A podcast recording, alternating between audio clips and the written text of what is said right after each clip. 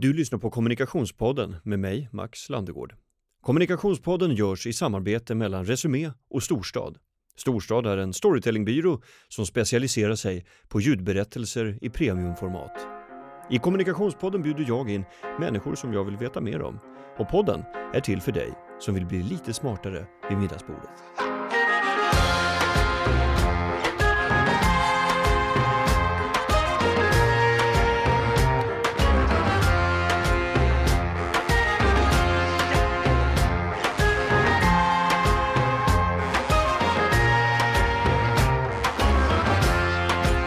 Välkommen hit! Björn Hedensjö, psykolog, författare och organisationskonsult.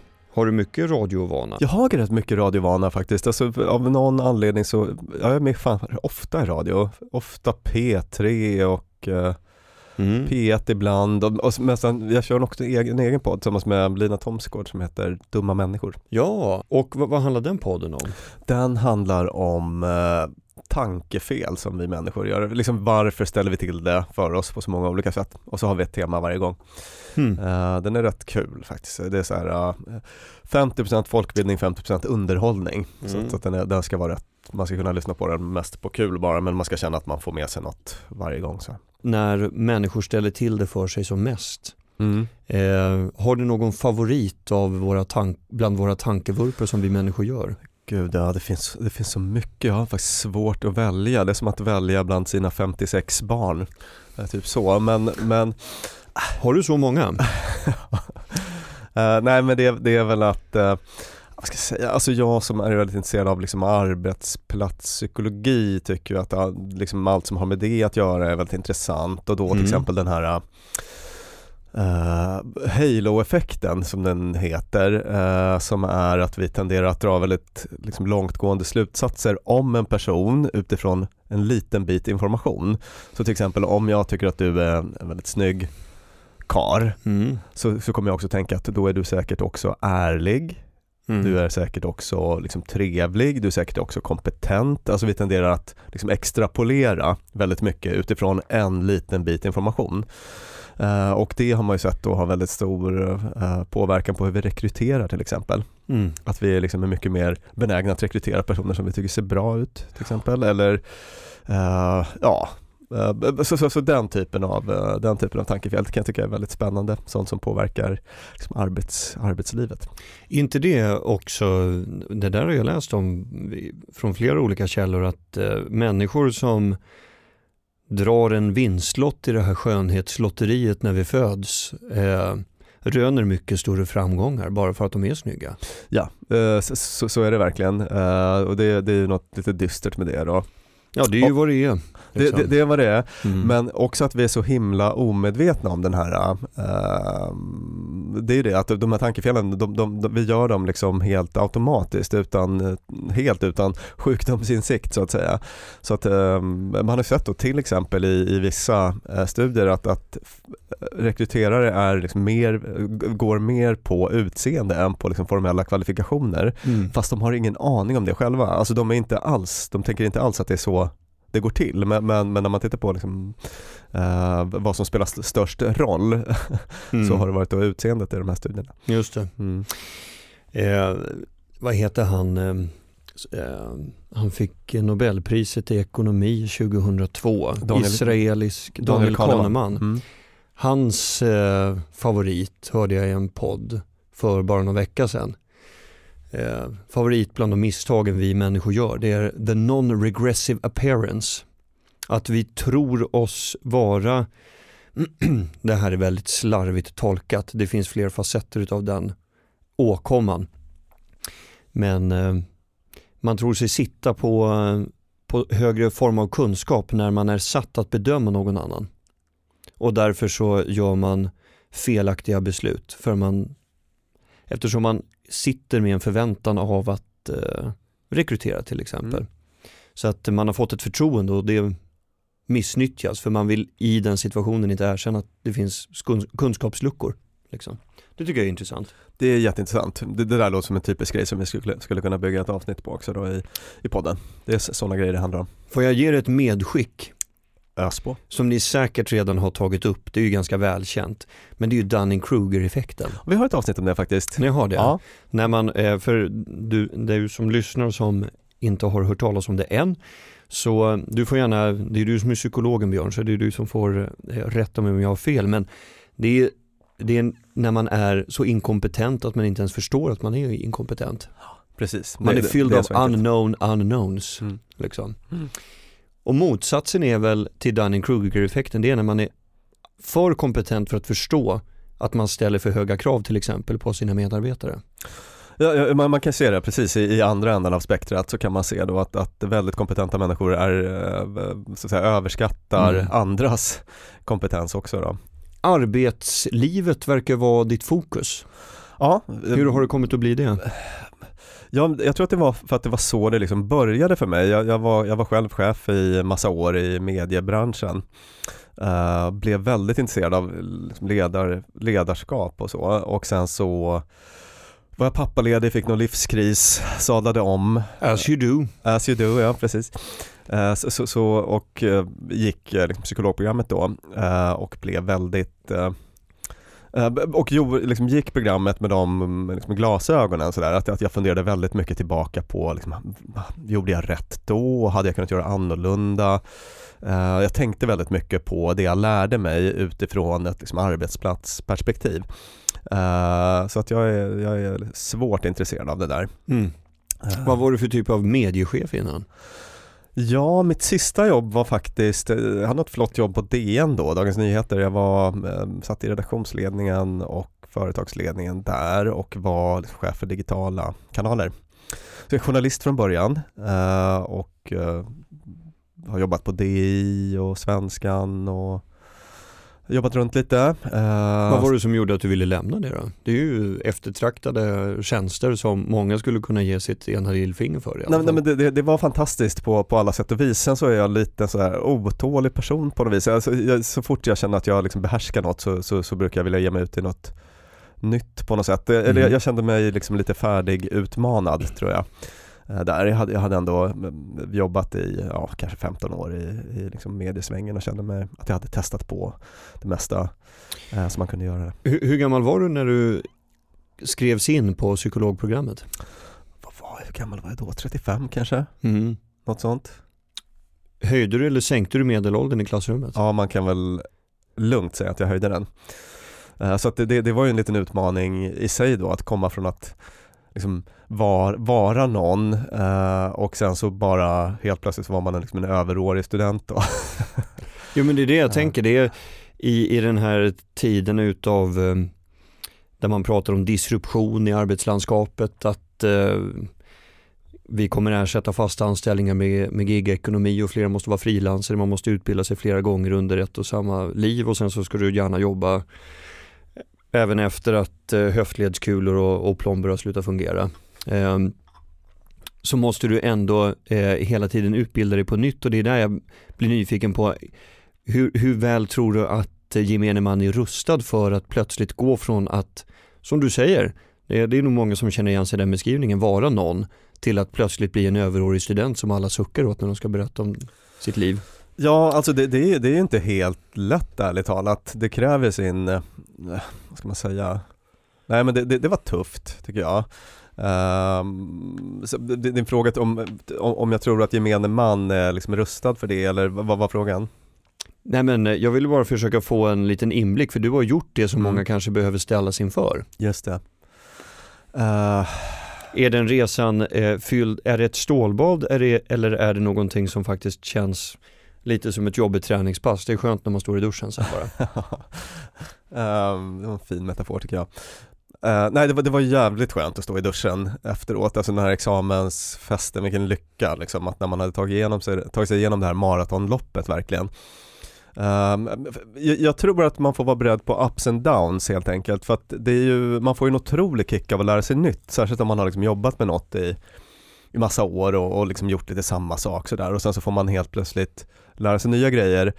Uh, jag tror att det är många som tycker att det är extremt belönande och jag var verkligen nykär ett tag och det höll väl i sig i ett halvår eller så. Men sen så blev det det där att man, uh, sen blev det en liten backlash. Och herregud, vad har jag har jag signat upp för det här i liksom fem år.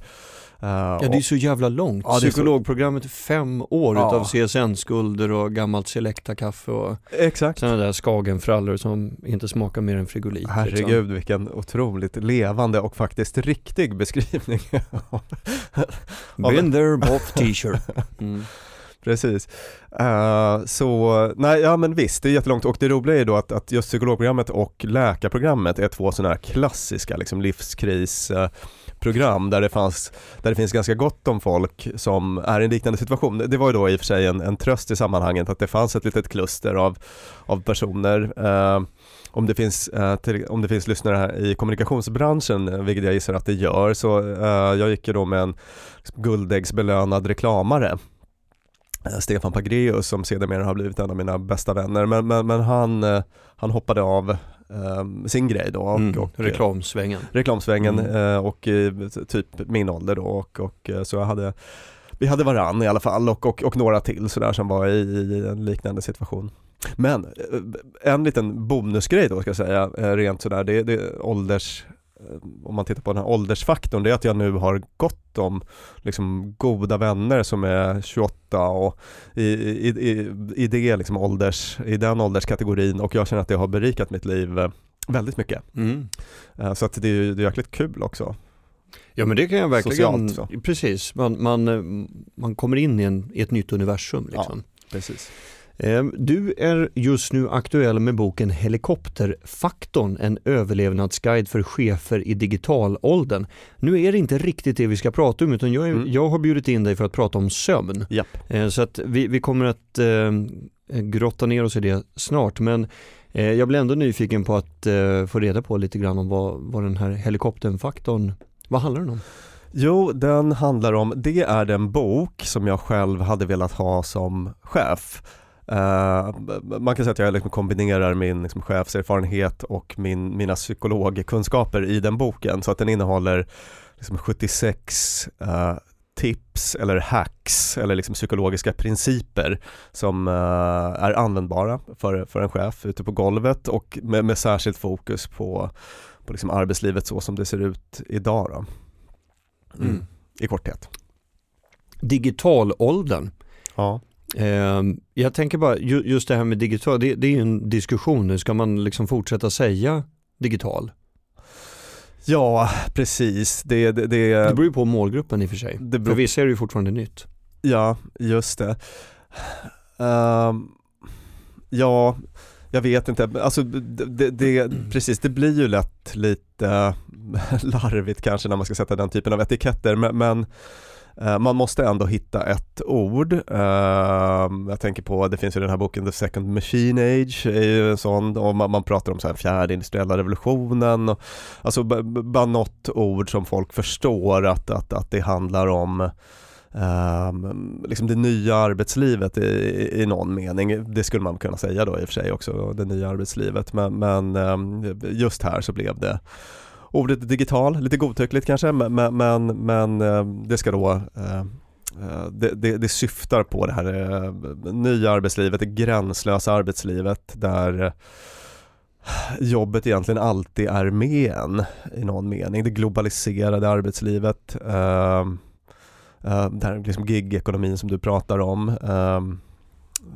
arbetslivet har förändrats väldigt mycket och, mm. och det är bara liksom en samlingsterm för, för mm. alla de stora förändringarna. Ja det har det ju onekligen gjort, alltså mm. de stora trenderna nu det är att göra skärm, skärmen grå, ta bort alla sociala appar och jobbmailen från, från mobilen. Mm.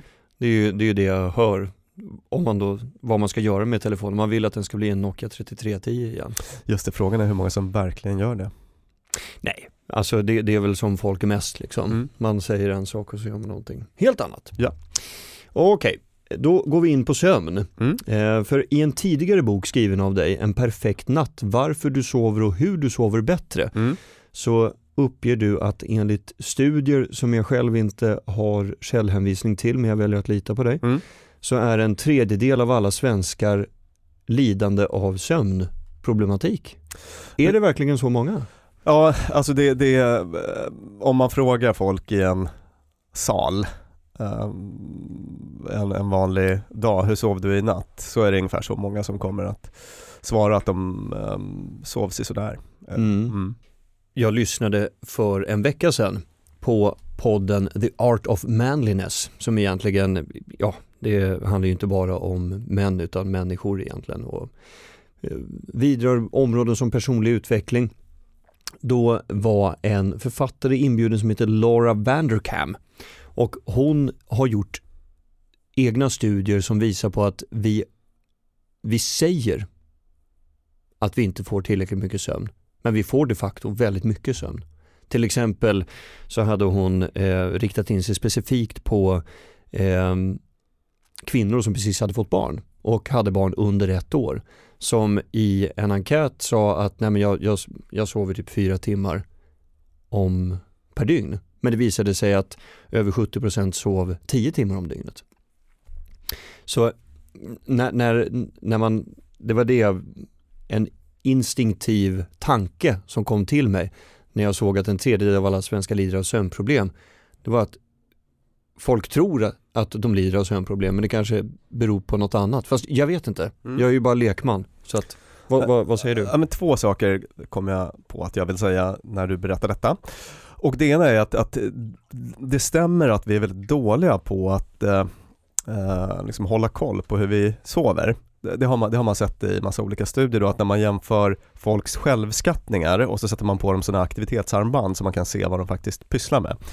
Då ser man att det överensstämmer dåligt, uh, den här egna uppfattningen om hur man sover och hur man faktiskt sover. Då. Så det är därför man i behandling av sömnlöshet till exempel är väldigt noga med att låta folk fylla i eh, liksom varje morgon fylla i uh, sömndagböcker och sånt där så att de ska Eh, eller använda appar och sånt eh, för, för att man ska verkligen få ett lite mer objektivt mått på, på hur sömnen ser ut. Men det jag tänker på med de här småbarnsföräldrarna att även om det blir ganska mycket sömn eh, över ett dygn så, så är den fragmenterad, alltså man, man växer ju av de här små bebisarna eh, stup i kvarten och det, det, det, det är superjobbigt. Det, det, det stör djupsömnen då till exempel, eller sömnkvaliteten. Så, så att eh, det kan vara tufft ändå. Just det. Mm. Men har det alltid varit så här? Har vi alltid haft problem att sova? Nej, det har vi inte alltid haft. Ehm, man har kunnat se att det har ehm, sömnstörningar är vanligare. Ehm, har blivit vanligare. Jag tror man har sett en ganska kraftig försämring senaste 20 åren eller något sånt. Och en sån skillnad som man har sett är att sömnproblem som tidigare var liksom, det var vanligare att de började i medelåldern. Att de nu har så krypit ner i, i åldrarna och att folk i till exempel 20-årsåldern och så, och så kan ha problem med insomni som det heter, sömnlöshet. Um, tidigare väldigt ovanligt faktiskt. Det, jag har dragit ett par slutsatser mm. som eh, i vanlig ordning säkert är helt grundlösa. Men eh, jag håller precis på att eh, skriva en bok åt Storytel om svindlare och bedragare genom tiderna, tio olika bedragare. Eh, många av dem är historiskt förlagda från 1910-talet, ibland så långt bak som till 1600-talet. Eh, och ibland så snubblar man över eh, vittnesmål från rättegångar. Eh, rapporter som journalister har gjort som har intervjuat människor som har träffat bedragarna och sådär. När man då ska eh, beskriva många gånger vad som konstituerar en god person. För det är det som bedragaren ställs mot då när, när en vanlig människa plötsligt blir en gärningsman. Eh, så beskrivs ofta de här eh, bedragarna i början som att så här, okay, vad, vad, är, vad är den goda bilden som de ställs emot? Jo, man säger så här, jo men de, eh, de, kom, eh, de var alltid punktliga, de drack inte, de var inte beroende av någonting och de var ärliga eh, och eh, beslutsamma. Det, det är sådana där eh, beskrivningar, viktiga ord som eh, man gärna vad ska man säga, svarar upp emot om man vill vara en god medborgare och en god medmänniska. Och det har bara fått mig att reflektera lite grann på vad det är för ord som vi gärna etiketterar oss själva med idag. Det räcker inte med att vara en, laglydig, icke missbrukande, ärlig och rak. Utan du måste vara du måste vara lite stressad. Du ska ha mycket att göra. Det beror ju helt på vilken schattering av samhället som du tillhör såklart. Men nu pratar jag om din och min. Eh, och jag gissar att vi båda kan tillerkänna oss att vi, att vi lever i storstad och vi tillhör en medelklass. Eh, ganska mycket inom tjänstemannasektorn så vi jobbar inte med tillverkningsindustri till exempel. Och om man utgår ifrån den gruppen så tycker jag att man ofta eh, har ett sånt lingo Liksom. Och jag kan vara skyldig till det också. Lite fint att eh, ha lite sömn, eh, lite fint att man liksom har ett underläge att jobba mot hela tiden. Ehm, och även om den, den faktiska sömnen kanske har varit kortare förr så är det finare att säga att man inte har det idag. Jag vet inte. Förstår du lite varför jag tog upp det? Väldigt lång, det blev en sån Almedalsfråga som inte ens är en fråga, det är bara en kommentar. Mm. Nej men eh, du har ju verkligen en poäng och, det är också en grej som jag tar upp väldigt mycket i min bok, det här med liksom normerna. Normerna kring sömn. Eh, som ju verkligen eh, har förstärkts, uh, tror jag, över tid. Um, Margaret Thatcher ska jag ha sagt, den här brittiska gamla hökiga premiärministern, uh, hon ska ha sagt till exempel att sleep is for wimps. Uh, Gordon Gecko, uh, den här börsmäklaren Wall Street i filmen Wall Street ja. Precis. var, var ju också en sån här mm, figur då som, som sa saker som money never sleeps och så. Jag menar att man, man har inte råd att sova helt enkelt. Och eh, liksom i vissa delar av samhället, i liksom näringslivets toppskikt och så, så är det väldigt fint att, att, eh, att sova lite helt enkelt. Sen ska man säga att, att liksom, om man går tillbaka långt i historien så kan man också stöta på det där faktiskt. Um, jag försöker nu komma på vem det är, någon så historisk figur. Kan det ha varit Thomas Edison kanske? Jag tror det, glödlampans uppfinnare. Mm, mm. Så, så långt är det korrekt, ja. Eh, så, som, som ironiskt nog då liksom förändrade egentligen hela liksom sömn, eh, västvärldens sömnmönster, vi kanske kan återkomma till det, mm. med, med, med, den här, med det elektriska ljuset. Men, men han mm. var en sån som eh, föraktade eh, lata personer inom citationstecken som sov mycket. Han hade själv väldigt korta nätter. Eh, sen så visade det sig om man kikar i hans dagböcker att han faktiskt kompenserade det med tupplurar dagtid sådär.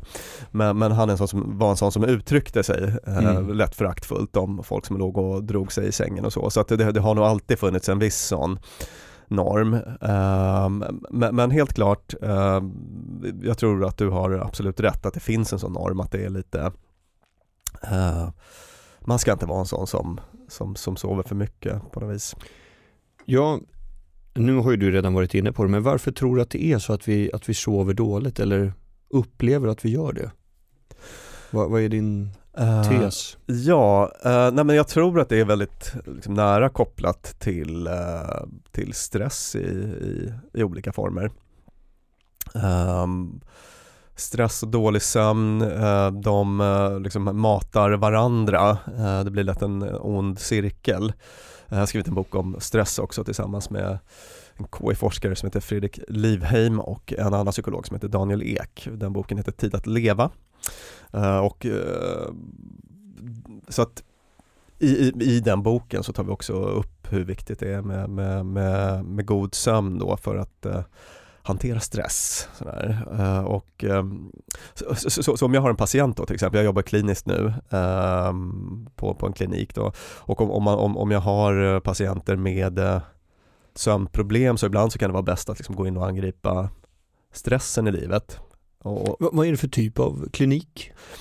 Uh, jag jobbar nu på, på, ett, uh, på en specialistklinik för, för svår ångestdepression. Jag kommer att göra det um, under en begränsad period och sen så i, i höst ska jag starta eget företag. Mm -hmm. tanken kommer Gratulerar! Ja, Apropå sömnlöshet. Ja, just det, just det.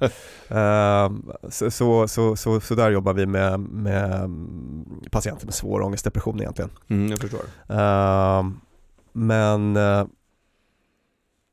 har man svåra sömnproblem så kan det ofta vara liksom stress i livet man ska gå in och hantera på olika sätt. Och um, omvänt, en person som upplever sig väldigt stressad, ibland är det liksom bäst att gå in och jobba direkt med sömnen uh, för, för att uh, liksom göra den personen mindre sårbar för, för, för stressen eller bättre rustad för att hantera, hantera ett eh, stressigt liv. Sådär. Så, så att, eh, de, de hänger väldigt nära ihop och jag tror att det har mycket att göra med, med det här vi pratade om tidigare med gränslöst arbetsliv uh, och en, en smartphone som ligger på nattduksbordet. Uh, liksom jobbmailen, bokstavligt talat en, en armslängd bort hela tiden.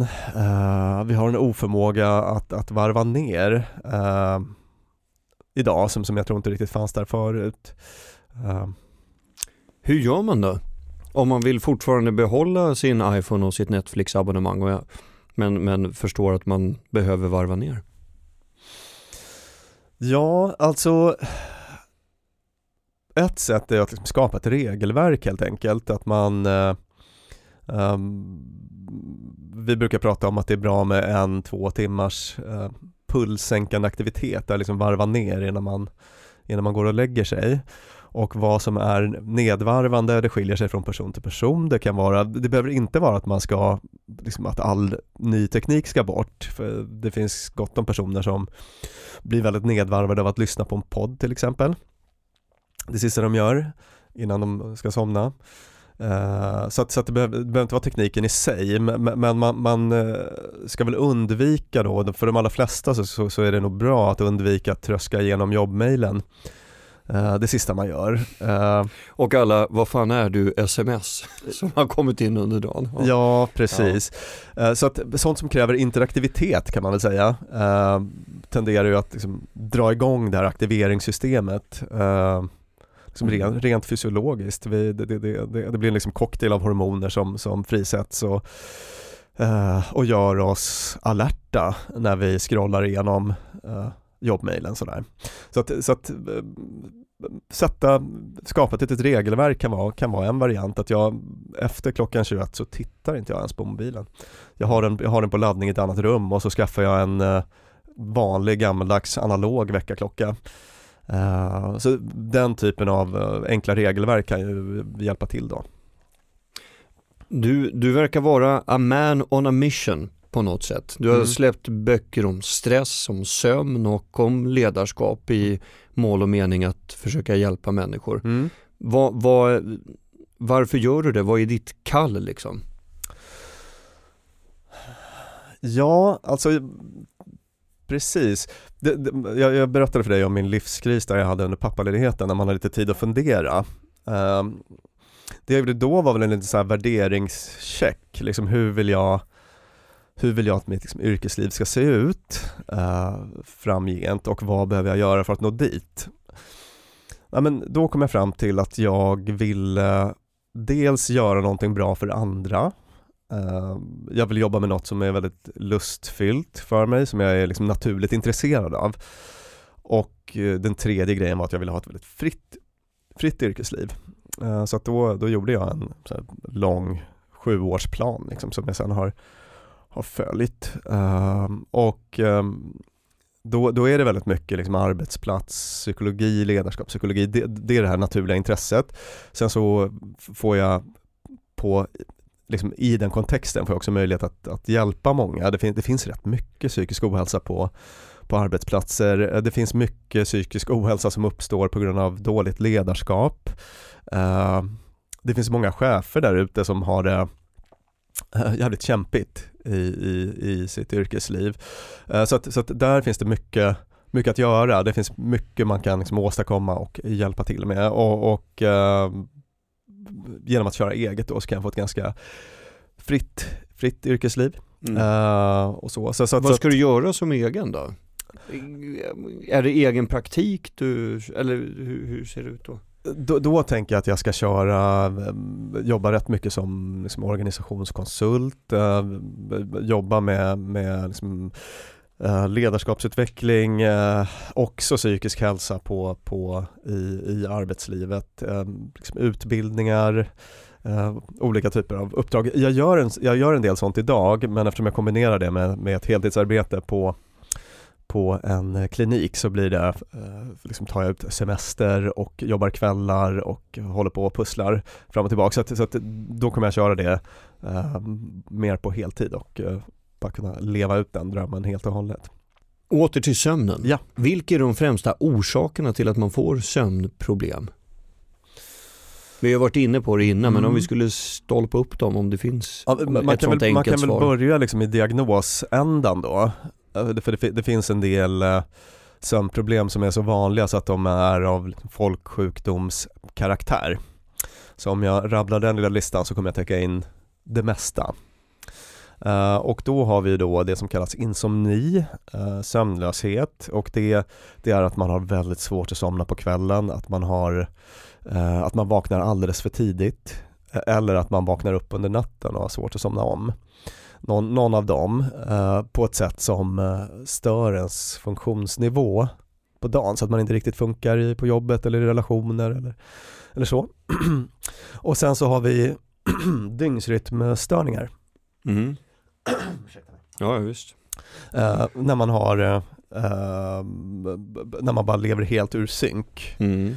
uh, med den liksom socialt accepterade dygnsrytmen. Sitter uppe hela nätter och sådär och inte riktigt kommer till ro på kvällarna mm. när, när andra sover och så vidare. Gud vad påfrestande alltså. Ja, precis. Är det många som gör det?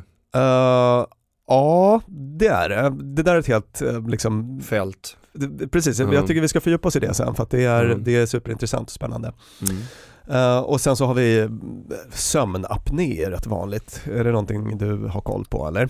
Är det när man snarkar så mycket så att man får andningsuppehåll? Ja, det blir de här, det är de här nattliga andningsuppehåll. Vanligast hos, hos män. Mm. Uh, Har inte det med övervikt att göra också? Jo, det är, precis, det är en riskfaktor då. Alltså, och, och, då så är uh, den vanligaste behandlingsformen en CPAP-mask, som man, liksom en andningsmask som man sätter på sig uh, för att vidga Uh, luftrören är det väl så att man mm. syresätts bättre och sådär. Uh, funkar bra även om det kan vara lite bökigt såklart att släppa runt i en ställning om man är ute och reser och så. Um, så att uh, det är väl liksom de, de sömnproblemen um, täcker in de, de allra flesta som är drabbade. Då. Vilka är de mest framgångsrika nycklarna till en bra nattsömn? Oh. Ja, om, om, om jag får liksom välja ut mina så favorittips mm. uh, så, så som, som jag tycker brukar ge liksom bäst effekt så Uh, så är det just det som vi var inne på tidigare med liksom nedvarvning på, på kvällen, uh, liksom då till den här liksom professionella klassen som jobbar mycket och så, har höga prestationskrav och så. Att det liksom ser till att Eh, fortsätt inte arbetsdagen efter middagen helst och liksom om du måste göra det, lägg ner i god tid ett par timmar före du ska gå och lägga dig. Um, kan vara svårt att få till för vissa men, men, men, men, men det brukar vara rätt viktigt för att man ska kunna komma till ro då, så att liksom ägna sig åt pulssänkande aktiviteter på, på, på kvällen. Det som funkar för dig. Uh, låta sovrummet vara sovrum. Uh, hänger ihop med, med föregående punkt då att, att, det inte, att det inte är ett kontor eller en, eller en mediecentral. Uh, hade någon, någon uh, patient som hade en sån här eh, digital klocka som liksom projicerades upp i taket, stora röda blinkande siffror. Det är, uh, det är att be om problem. Ja, det är lite att be om problem. Det, alltså så att, uh, men den var cool. Ja, men den var cool, uh, precis.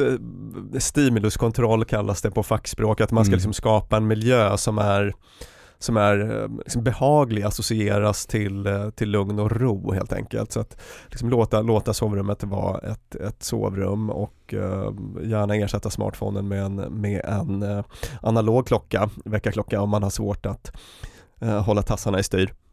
Mm. Uh, vilket man ju har lite till mans, inklusive undertecknad sådär. Mm. Uh, ja, jag känner inte alls igen problematiken, men ja, ja, jag kan förstå att, att jag har hört vittnesmål utifrån. Mm. Jo, nej, skämt åsido, absolut. Det är sen, svårt att hålla fingrarna i styr. Ja, så det, är det ju. Så är det.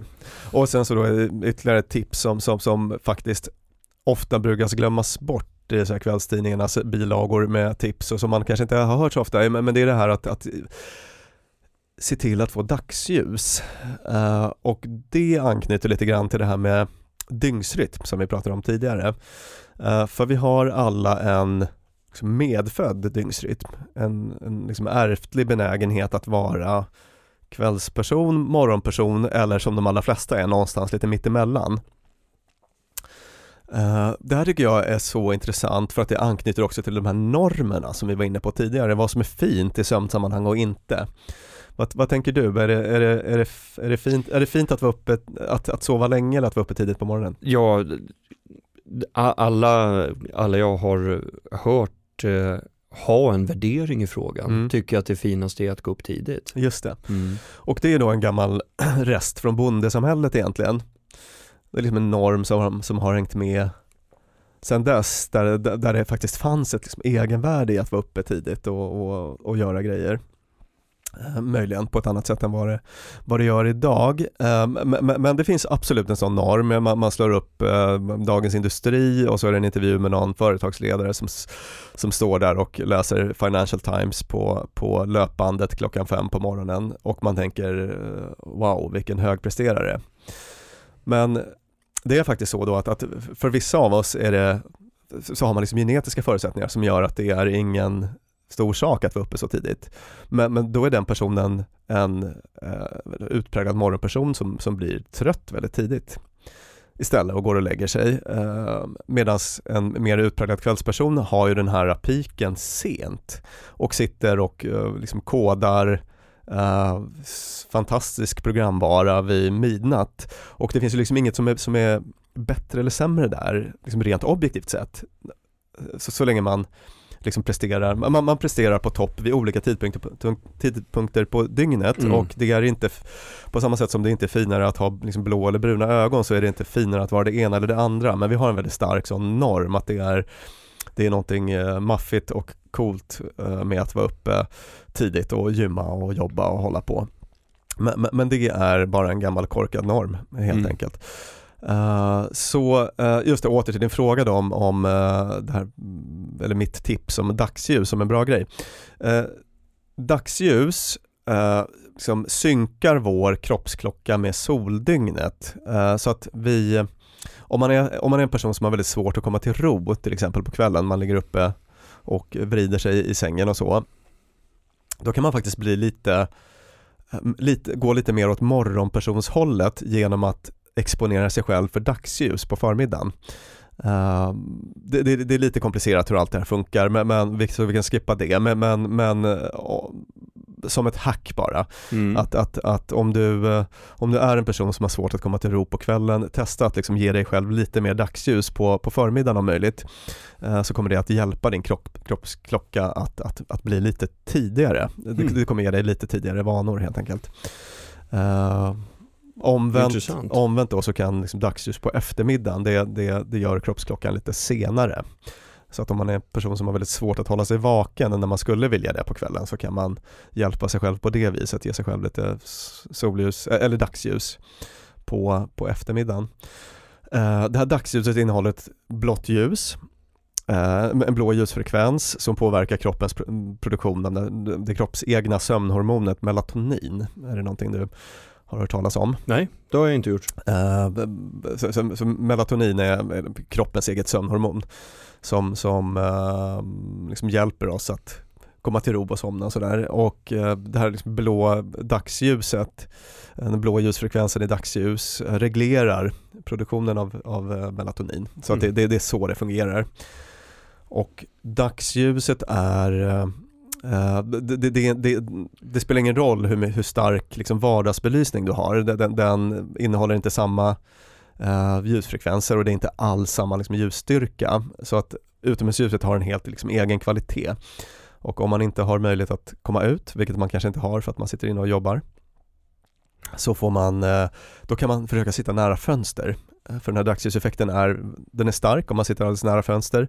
Tre meter in i en lokal så är den halverad, sex meter in så är den nere på noll. Mm -hmm.